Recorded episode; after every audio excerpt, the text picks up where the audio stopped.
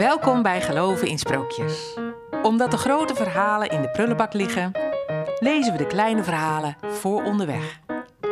Mijn naam is Wies Houweling. En mijn naam is Jaap Marinus.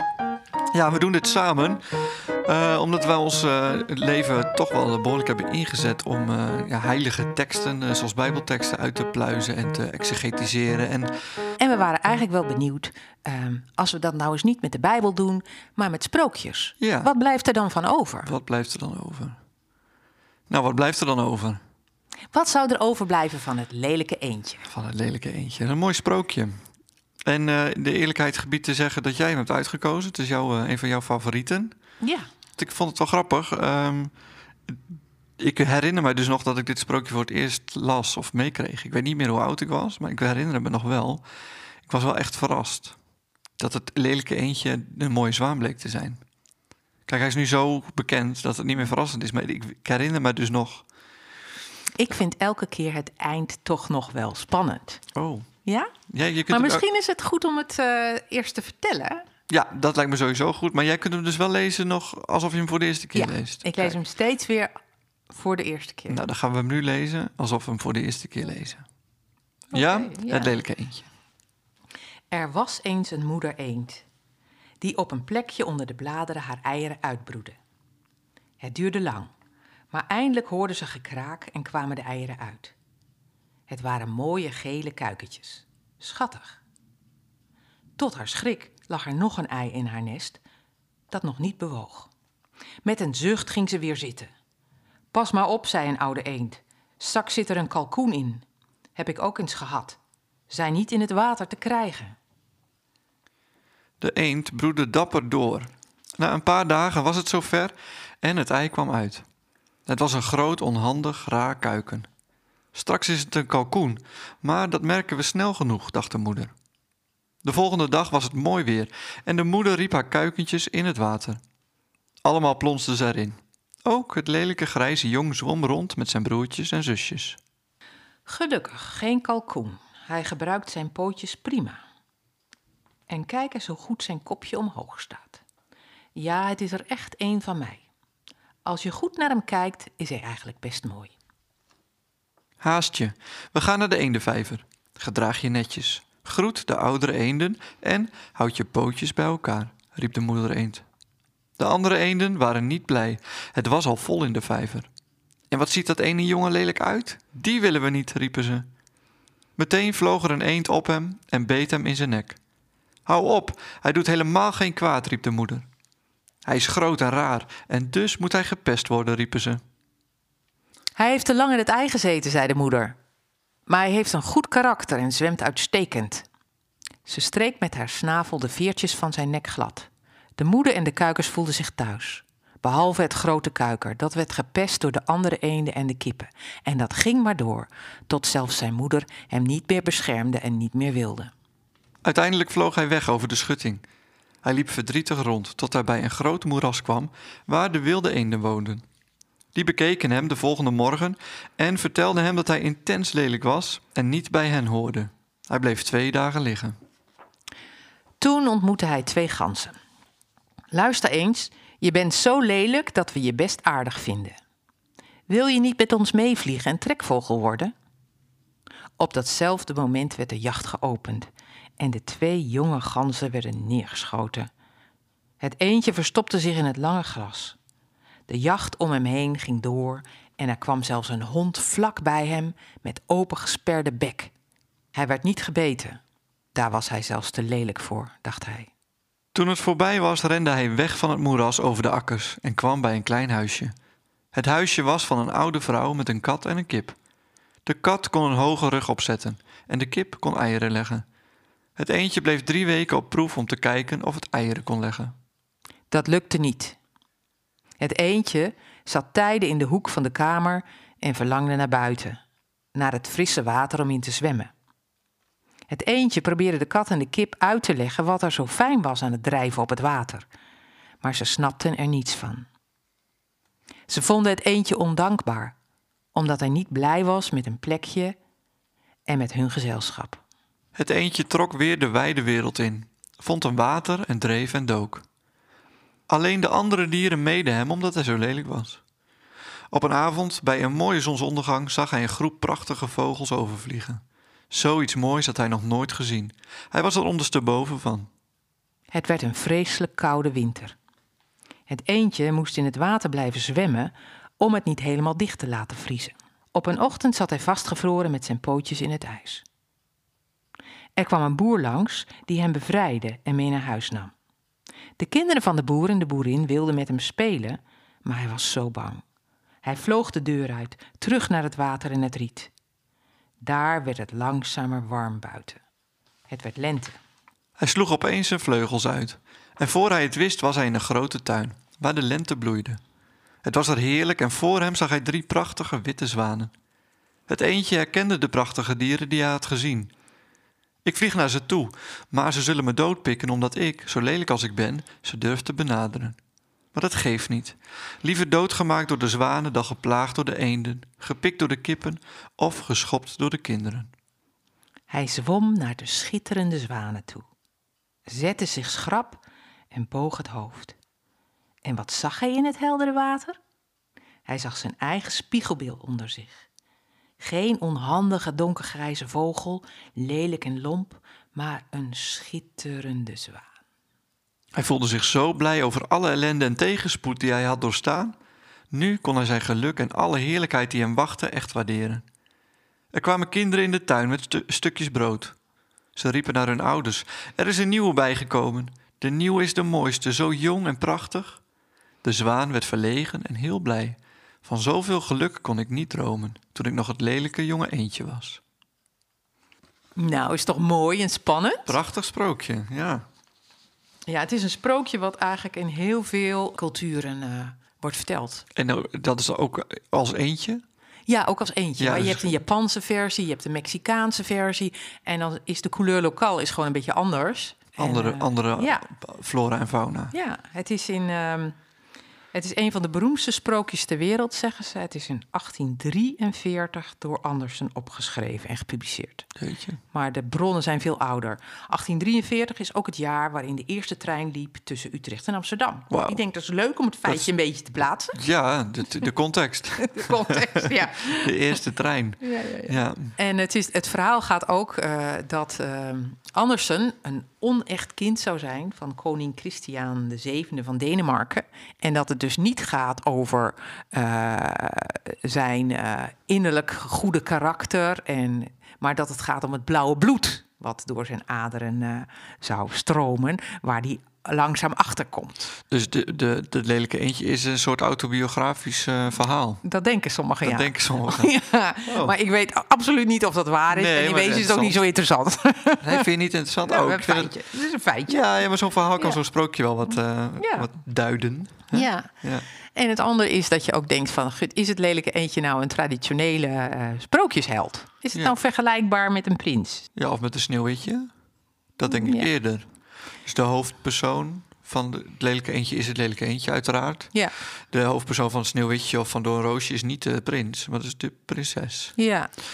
En die Nou ja. worden natuurlijk ook vaak als ze poesten, wordt in lelijke kleren Ja. gehuld. Ja. Komen, de prinsessen komen eigenlijk nooit helemaal tot hun recht. Toch? In het Ja, begin. dat- dat En klopt, ja. Pas op het einde Ja. van het verhaal. Dus in die zin heeft het wel wat. Heeft Ja. toch wel de lijn van een traditioneel sprookje. Ja, maar het, het lelijke eentje doet eigenlijk niets zelf. Hè? Dat, dat ondergaat. Dus dat, dat, eh, dat, dat maakt het eh, eh, iets minder heldachtigs of zo. Maar het is wel een, een, een, een, een echt een groot traditioneel beeld van eendjes die zwanen worden. Het deed me ook wel denken van ehm, dubbeltjes die kwartjes worden. Of kwartjes die dubbeltjes worden. Ja. Is, kan dat? Ja. Wat vind ja, jij nee, daarvan? snap ik. Nee, ik, heb toch, toch ietsje terug. Ehm, Jij zegt het eentje doet niks. Maar ik vind het eentje nogal moedig. Die doorstaat nogal wat. Ik bedoel, worden, zijn, moeder, zijn moeder wil hem niet. Eh, er wordt gepikt en gepest. En eh, er worden zelfs mensen om, dieren om, om hem heen doodgeschoten door de jacht. Wordt aangevallen door honden, kippen die hem pikken, kinderen die hem schoppen. Ja. Dus dat hij niks doet, eh, wil ik toch wel... eh, Het is dan een, een eentje met een enorm psychologisch trauma, zou je in deze tijd zeggen. ja, of heel veel doorzettingsvermogen. Ja,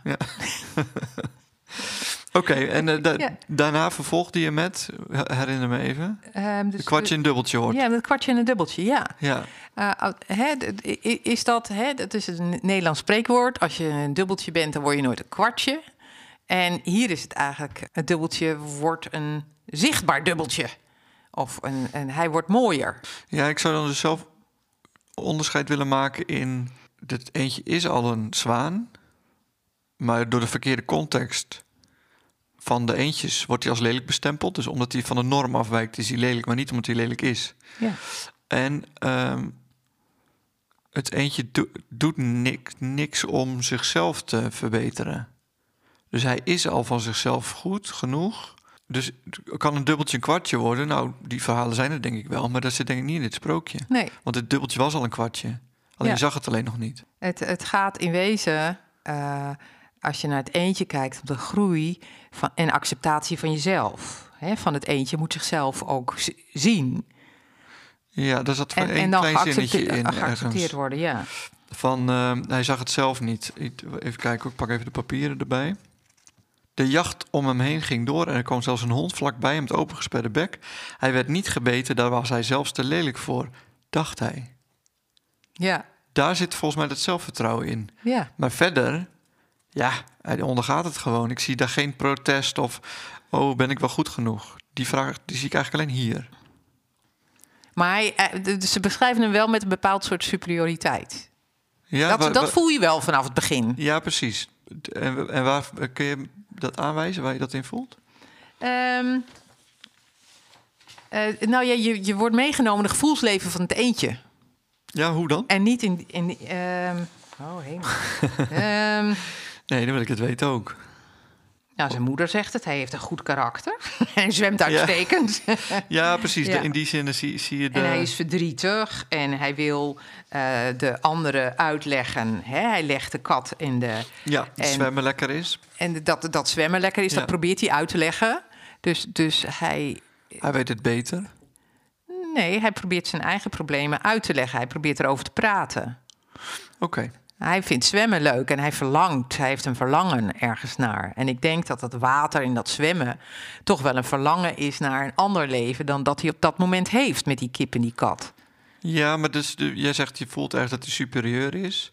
Ja. Ehm, dat hij, dat hij, hij probeert uit te leggen inderdaad aan de kat en de kip... wat er zo fijn was aan het drijven op het water, maar ze snapten er niets van. Dat voelt wel een beetje alsof hij wel dingen kan die anderen niet kunnen. Maar- Nou, het, het is meer het verlangen dat hij heeft. Want hij, hij eh, wil gewoon naar het water. Hij komt uit het water en Ja. hij wil terug naar het water. Ja, En zij zeggen, ja, het is hier lekker warm binnen. En je hebt ons als gezelschap. Ja. Wij zijn heel wijs. Je kunt van ons leren. ja. En dan wordt hij als eigenwijs eh, gezien. Misschien wel. Ja. Ondankbaar. Ondankbaar. ja. Want je hebt deze fantastische leermeesters bij je. En, en nou wil je weg. Dus, dus misschien wel een groter thema wat ook gewoon in, in films en series wel langskomt. En misschien zelfs wel in, eh, in oudere verhalen. Ja. Dat er één persoon is die die visie heeft en we- weet waar hij naartoe wil. En dan door andere mensen wordt tegengehouden of tegengesproken van... joh, maar kun je niet gewoon blij zijn met hoe het nu is? En als jij nu... eh, nou ja, Mozes is misschien wel zo'n verhaal... die zijn volk eh, probeert weg te krijgen uit Egypte. En dan, ja, maar hier hebben we het goed. Hier hebben we te eten. En we moeten hard werken, maar hier wordt ook voor ons gezorgd. En in de woestijn hebben we niks. Dat is natuurlijk wel echt iets wat in heel veel verhalen voorbij komt. Spartacus, ik weet niet of dat je wat zegt. Ja, Odysseus. Met de vrouwen Ja. op het eiland die hem ook niet willen laten Ja. gaan. En zeggen we, je bent goed Je hier bij ons. hier. En, eh, totdat hij peterselie in zijn oren stopt. En eh, ze niet meer kan horen. een sprookje voor een andere keer. Maar dat is inderdaad, iets- volgens mij is het een terugkerend thema. Heeft ook wel iets te vertellen over, over ehm, volgens mij wat een, wat een goed leven is om Ja. te leiden. En wat, Ja. wat, wat voldoening geeft. ja, maar er zitten ongelooflijk veel thema's in dit sprookje. Ja, En, en, en daardoor door al die. Kijk, het duurde een beetje lang eh, voordat we dat voor moesten lezen. En het is ook heel leuk om, om het zo uitvoerig te vertellen, omdat er van die scènetjes in zitten die steeds allemaal iets anders betekenen. Hè? ja.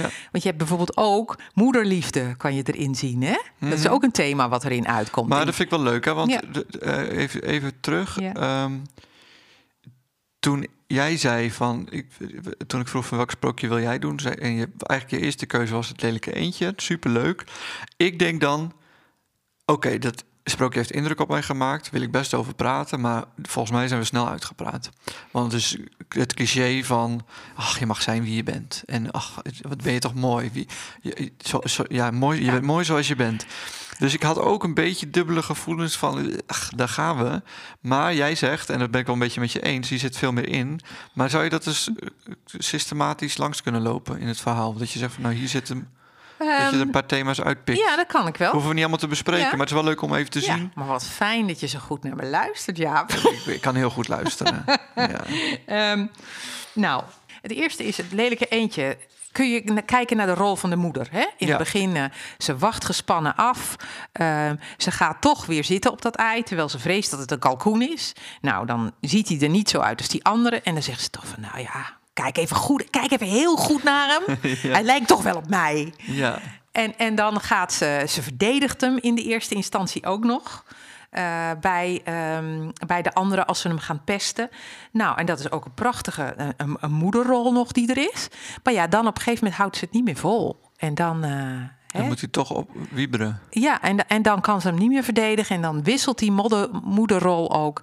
En dat is natuurlijk voor een kind traumatisch. Maar ik denk ook voor een moeder.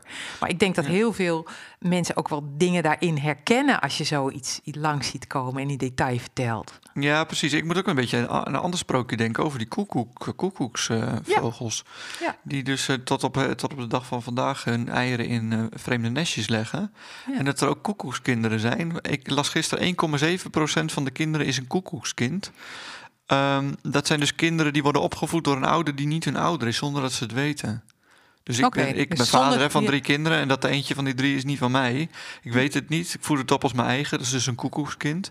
Dat zit hier ook een beetje in. Wat Ja. gebeurt er als ik erachter kom dat het niet mijn kind blijkt te zijn? Uh, Kan ik het dan nog steeds als mijn kind zien of word ik dan boos? Ja, dat zit hier inderdaad. Eh, Voor een andere keer, dit Ja? is thema 1. Dit is thema Eh, 1 die jij in het sprookje ziet. Ja. Heb je nog meer? Misschien moeten we drie thema's eruit pikken. Het is een, eh, het thema van eh, eh, ontdekken waar we bij horen. Want daar gaat het eentje in wezen, gaat de wereld in. Die gaat dan ontdekken waar ze bij hoort. Nou, de andere eenden, de wilde eenden, vinden er net zo lelijk. Nou ja, de fazanten willen gewoon dat ze mee gaat vliegen en, eh, en, en leuke dingen doen. Nou, die worden afgeschoten. Ja. Nou, dan komt ze bij ehm, die kat en de hond. Eh, nee, die kat en die kip. Ja. Nou, dat zijn eh, eh, ontzettend, eh, laten we zeggen, eh, dieren die ontzettend overtuigd zijn van hun eigen kunnen. De kat kan spinnen en een hoge rug opzetten en de kip doet eieren. Dus het eentje moet ook iets productiefs doen, net zoals zij. Ja. Nou, dat kan ze niet, dus gaat ze ook weer weg. Nou, dan komt ze bij die boer en de boerin. Nou, daar is ze zo eh, traumatisch doordat ze uit het ijs gehaald is en eh, in, daar binnen gezet is. Nou, die vliegt alle kanten op. En, en dan gaat ze weer naar buiten. En nou ja, en dan ziet ze dan die, die eh, ehm, de, gan- de Ja, dus- zwanen overkomen vliegen. En dan hè, ehm, wordt er iets in haar geboren. Ja, ja, precies. Nu vat je het sprookje een beetje samen. ja maar ik, In- in het centrale thema van je plek vinden in, de, in de wereld. En wat me ook opvalt eh, aan jouw verhaal, vind ik grappig. Het lelijke eentje is een dame geworden. oh ja, Ja, is, heeft ze een operatie ondergaan? Of, Nou, eh, voor mij mag het een dame zijn, maar we hadden het eens over... de- de- de- hij. Misschien is het dat ik het dat men, men als je er heel erg ehm, eh, verbonden voelt met de figuur, dat je wil je ook graag dat het jouw geslacht is natuurlijk. Maar het is een mannetje. Dat Ja, staat duidelijk in mijn een verhaal. Ja, maar in mijn enthousiasme maak ik er misschien een vrouwtje Een van. Dat zou ook heel goed kunnen, toch? Tegenwoordig mag dat ook allemaal, hè? Dat is allemaal niet erg. En eh, eentjes hoeven geen operatie te ondergaan in een sprookje. Nee. Oké, ehm, dus de- even, even samenvattend. Jij Ja. ziet dus de moederliefde in, Ja. in het sprookje, dat is een thema. Het thema van je plek vinden in de wereld. Eh, en eh, kun je hem nog aanvullen met nog één thema? Vind ik eigenlijk wel leuk om er drie te hebben. En dan kijken we straks wel wat we ermee doen. Niet normaal eruit zien. Er niet normaal uitzien. Oh, echt uiterlijk. Ja, uiterlijk. Echt Ja. uiterlijk. En wat, eh, d- ehm, ja, leuk. Ja. Dat, dat snap ik wel. Dat is ook een thema. Hoe ga je daarmee om? Dan pak je zeg maar de, ehm, de centrale thema, je plek vinden in de wereld. Dan pak je het sprookje als metafoor. Als je zegt eh, thema, hoe zie je eruit? Pak je hem heel letterlijk. Ja. Vind ik leuk. Ja. Ja. Zie jij er wel normaal uit? Ik wil in ieder geval niet... Nee, ik wil niet gek... gek nee, dus dat is wel... Oké. Ik, ik wil wel aan de ene kant graag opvallen. En dan wordt het heel persoonlijk ineens. Maar ik wil graag opvallen met mijn, met mijn voorkomen. Maar dan misschien wel liever met een leuk innerlijk. Dan met een heel opvallend uiterlijk. Dus ik denk dat... Oké. Ja. En jij? Zie jij, zie jij er normaal uit? Ik vind altijd dat ik er heel Ja. normaal uitzie. Een keurige mevrouw. ja. Ja, vind ik ook. Maar eh, tot zover denk ik even de, Ja. de, de achtergrond en de... de, de Oké, tot zover eh, eh, het eerste deel van de geschiedenis en de achtergrond van het sprookje en de thema's. En ehm, het volgende gedeelte gaan we het hebben over de actualiteit. En wat, wat hebben we aan dit sprookje? Wat kunnen we ermee? Nou, en de actualiteit aan de hand van de thema's Ja. Eh, is denk ik heel leuk voedsel voor onderweg. Dat denk ik ook. Tot zo.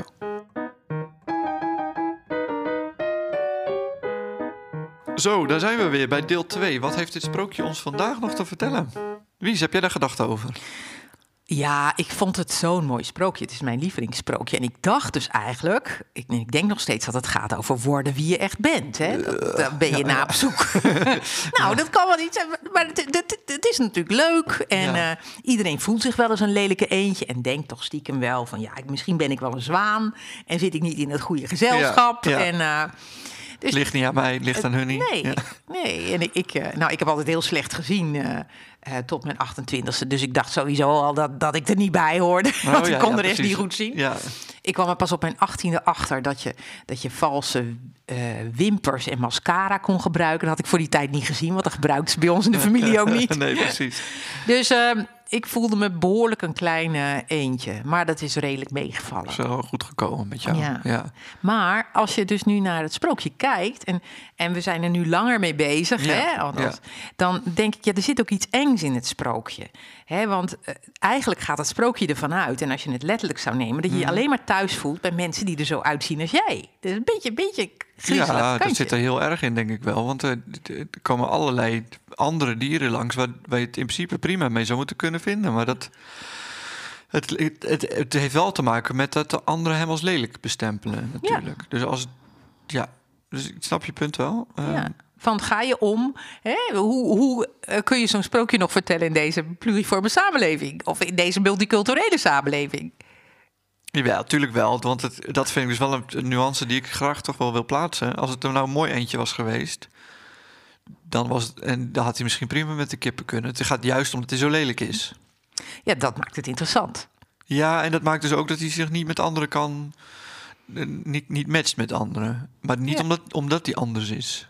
Dat kun je natuurlijk wel inleggen, maar dat zit er niet per se in, denk ik. Nou, hij is een zwaan en de rest zijn geen zwanen. En hij komt pas tot zichzelf en tot rust als hij een zwaan is. Nou, en als je dat eh, eh, legt op, op deze maatschappij en je neemt het letterlijk, niet figuurlijk. Ik zou het graag, eh, ik, ik, ik zou het graag wat overdrachtelijk zien. Dat je Ja. ook mensen moet vinden waarbij je je thuis voelt. Hoe die er dan ook uitzien Mhm. Ja. uiterlijk. Hè? Dat, je, dat je gewoon geestverwanten zoekt, laten we zo stellen. Ja, en dan zie je dus dat, dat je als lelijk wordt bestempeld dat mensen je niet willen omdat je bepaalde eigenschappen hebt die niet bij hen passen. Ja, Ja. Liever dan op uiterlijk, tenminste. Hmm. Wat vind jij? Nee, ja, ik, mijn ervaring is dat uiterlijk en, en, en, en eh, gedrag of karakter toch ook vaak wel een beetje matchen. Niet altijd, maar je ziet toch ook vaak wel aan hoe mensen zich kleden. Wat voor type kun je never judge a book by its cover. Dat kun je niet altijd zeggen, maar ja, ik herken dit wel. Ik bedoel, ik ben verhuisd eh, ooit van een ehm, toch wat eh, nou achterstandswijk kun je het niet noemen, maar eh, toch wat wat min- een huurwijk zeg maar in, eh, in mijn woonplaats naar een ehm, meer koopwijk met, met meer ruimte en dat kindvriendelijker. En die, ze hebben allebei een supermarkt in de buurt. En ik ga nog wel eens naar de supermarkt van die andere wijk. En, eh, dan ben ik toch blij met mijn eigen wijkie. Met net iets ja, Andere mensen. andere mensen. ehm, en dit, ja, dit, het zegt niet dat ik niet met die andere mensen een kop koffie zou kunnen drinken of dat het gezellig kan zijn, maar nou ja, het is toch ook veel. eh, Ik ruik veel alcohollucht om me heen in die supermarkt. Mensen die naar sigaretten eh, ruiken omdat ze binnen roken thuis.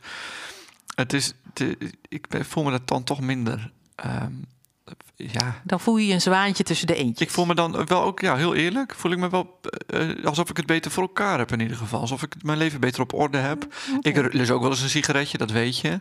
Dus daar zit het hem niet in. Maar de, de, de levensstijl, en dat vind ik dus het uiterlijk van mensen die binnenroken, veel alcohol drinken, er onverzorgd uitzien, niet mijn soort mensen. Maar dat wil ik dus niet, zo hard wil ik niet zijn. Maar heel eerlijk, kan ik dit sprookje wel op mezelf toepassen. ja. Oké. Maar vind je dat vreemd als ik dat zeg? Nee, nee. Of dat- herken je het ook wel een dat- beetje dat- stiekem? ja, heel eerlijk. Natuurlijk zijn er altijd mensen waarbij je je prettig voelt en mensen waarbij je je niet prettig voelt. Maar dat wil ik gelijk corrigeren. Want ik heb dus ook in het ver- verleden wel bij mensen thuis gezeten. Dat waren de mensen die ik zo net heb beschreven, zeg maar. Ja. Die iets minder, eh, iets minder voor elkaar hadden. Daar kon ik beter mezelf zijn. Voetjes op de tafel maakte daar niet uit. Met mes en vork eten was ze vreemd. Dus het geeft ook een soort van rust en ontspanning. Dus het is niet helemaal zwart-wit. Nou ja, laten we zeggen, ik, ik denk altijd, het, eh, wat, wat ik eh, eh, prettig vind, en dat is toch heel veel verschillende mensen. Ja, vind je dat Ja. echt prettig? Vind ik echt prettig. Ja. En wat, wat voor verschillen denk je dan aan? Eh, en in leeftijden, zeker. Ja. In, in mensen die alleen zijn, mensen die kinderen hebben, mensen die oud zijn, mensen die jong zijn. eh, mensen die, die verschillende beroepen uitoefenen. Ik ben van, van nature ook heel nieuwsgierig. Ik ben altijd nieuwsgierig naar wat andere mensen doen. Ja. En hoe ze in het leven staan. Dat kan zo, tot, tot, eh, ja, soms tot enorme confrontaties komen. Maar daar leer ik altijd wat van. En ik geloof ook dat, eh, dat eh, pluriforme teams en zo beter werken dan eh, teams van allemaal 60-plussers. Ja, maar dan, dan denk ik wel. Ik bedoel, ik vind het, vind het mooi hè, dat je het zo ziet en dat je dat, dat je dat zo ervaart. En ik denk dat ik daar ook wel deels in mee kan gaan, maar niet helemaal. Omdat ik denk, dan waar maakt. Tot hoever mogen die verschillen reiken? Ja. Ehm, dus dat vind ik ook wel binnen onze kringen van de vrijzinnige eh, eh, geloofsgemeenschappen. Er wordt ook altijd gezegd dat iedereen welkom is. Mm, maar dat, dat, kan, dat kan niet. Dat, dat, nee, ik heb ooit een keer een contrastnacht meegemaakt eh, tegenover de Hermitage. Dat was tegenover, als contrast voor de Nacht van de Theologie. Ja. Want dat was een elitair feestje in een grachtenpand. En wij gingen dan eh, in de tuin van de PK, eh, PKN in Amsterdam... gingen wij een contrastfeest vieren. En wij gingen op straat, want theologie hoort op straat. Daar hadden ze daklozen uitgenodigd. Die dronken alle alcohol op. ehm, zorgden voor overlast. Dus iedereen was welkom, maar het, het werkt niet altijd zo. Nee. En het- Ja, ja, ja. geen regels, geen welvaart. Dus dat, om dan eh, terug naar jouw verhaal. Er zitten grenzen aan die, Ja. denk ik, Er zijn regels. Ik bedoel, ik denk, ik denk dat er bepaalde basisregels zijn. En je moet zulke, zulke samen zijn ook organiseren, denk ik. En, en dat moet je ook heel zorgvuldig doen. En, eh, maar de vraag is, wil je daar energie en aandacht aan besteden? Ja, Omdat, maar je, denkt dus dat dat, ja. eh, omdat je denkt dat dat eh, waardevol is? Of zeg je, we doen het met allemaal mensen van onszelf... en dan kunnen we het veel sneller regelen... want dan hebben we veel minder overlegtijd nodig. Nou, dat zijn twee dingen die je altijd moet afwegen. ja. En maar ik weet dat grote multinationals echt inzetten op die eh, multiculturele teams. Want die zijn gewoon creatiever. Mhm. Die houden het langer vol. Oké. Ja. Ja, het zou kunnen, maar dan heb je dus over culturen. Ik denk dat het toch ingewikkeld... Dat is niet zo simpel als we- zoveel mogelijk verschillende mensen bij elkaar. Nee, dat is niet simpel. Is maar het is wel eh, leuker. Ja, ja, geloof ik. En in je persoonlijk leven, heb je daar zwanen? Die eenden blijken? Nou, mensen stellen teleur. Ja, ik wil dat niet. Ik ga het hier niet al te specifiek eh, maken, Ja. maar ehm, nou, ja, dat is toch een wisselwerking. Soms, soms, denk, soms verrassen mensen mij dat ik denk, oh, ik, eh, ik- dat had ik niet, had ik niet van jou verwacht. Dus eh, dat heb ik wel gehad, ook al met studiegenootjes. Ik heb wel vrij snel iemand in een hokje. Dus op basis van uiterlijk denk ik, oh, nou, voor je, voor- jij bent een leuk iemand en voor jou moet ik uitkijken. En dan kunnen, ik heb wel vaak gelijk, moet ik heel eerlijk zeggen. Maar soms heb ik wel moeten toegeven, ik had het mis. Oké. Eh, want het blijkt echt een heel leuk iemand te zijn. En ik had je eigenlijk een soort van al afge, afge, afgeserveerd om me buiten mijzelf te houden, om mijzelf te beschermen. Ehm, dus dat gebeurt, ja. En ehm, van buiten weet je gewoon niet altijd wat er van Nee. binnen... Nee, ik, ik, ik- als je nou dat beeld, dat roept ook wel iets anders in mij op. Dat je eigenlijk, en ik, ik denk dat het ook met mijn, mijn werk of instelling te maken heeft, in alle mensen probeert de zwaan te zien. Ja, poeh, dat is een exercitie zeg. Ja, Maar dat is inderdaad, dat is een beetje wat Rutger Bregman zegt. ehm, Ja. alle, eh, alle mensen deugen. Dat heeft hij bij mij wel geïnspireerd. Eh, eh, probeer zonder vooroordelen naar mensen te kijken. Ja. en dat dat gaat niet vanzelf hoor. nee. Nee. Nee, ik heb eh, ooit, ooit heeft iemand tegen mij gezegd: als je stoort aan, aan eh, mensen op straat, denk dan maar eens dat het je moeder is. Ah. Eh, stoor je dan nog steeds zo? En ik doe dat dus nog steeds gereden. Dat is jaren terug, dat is het tegen mij gezegd. En ik hou heel erg veel van mijn moeder.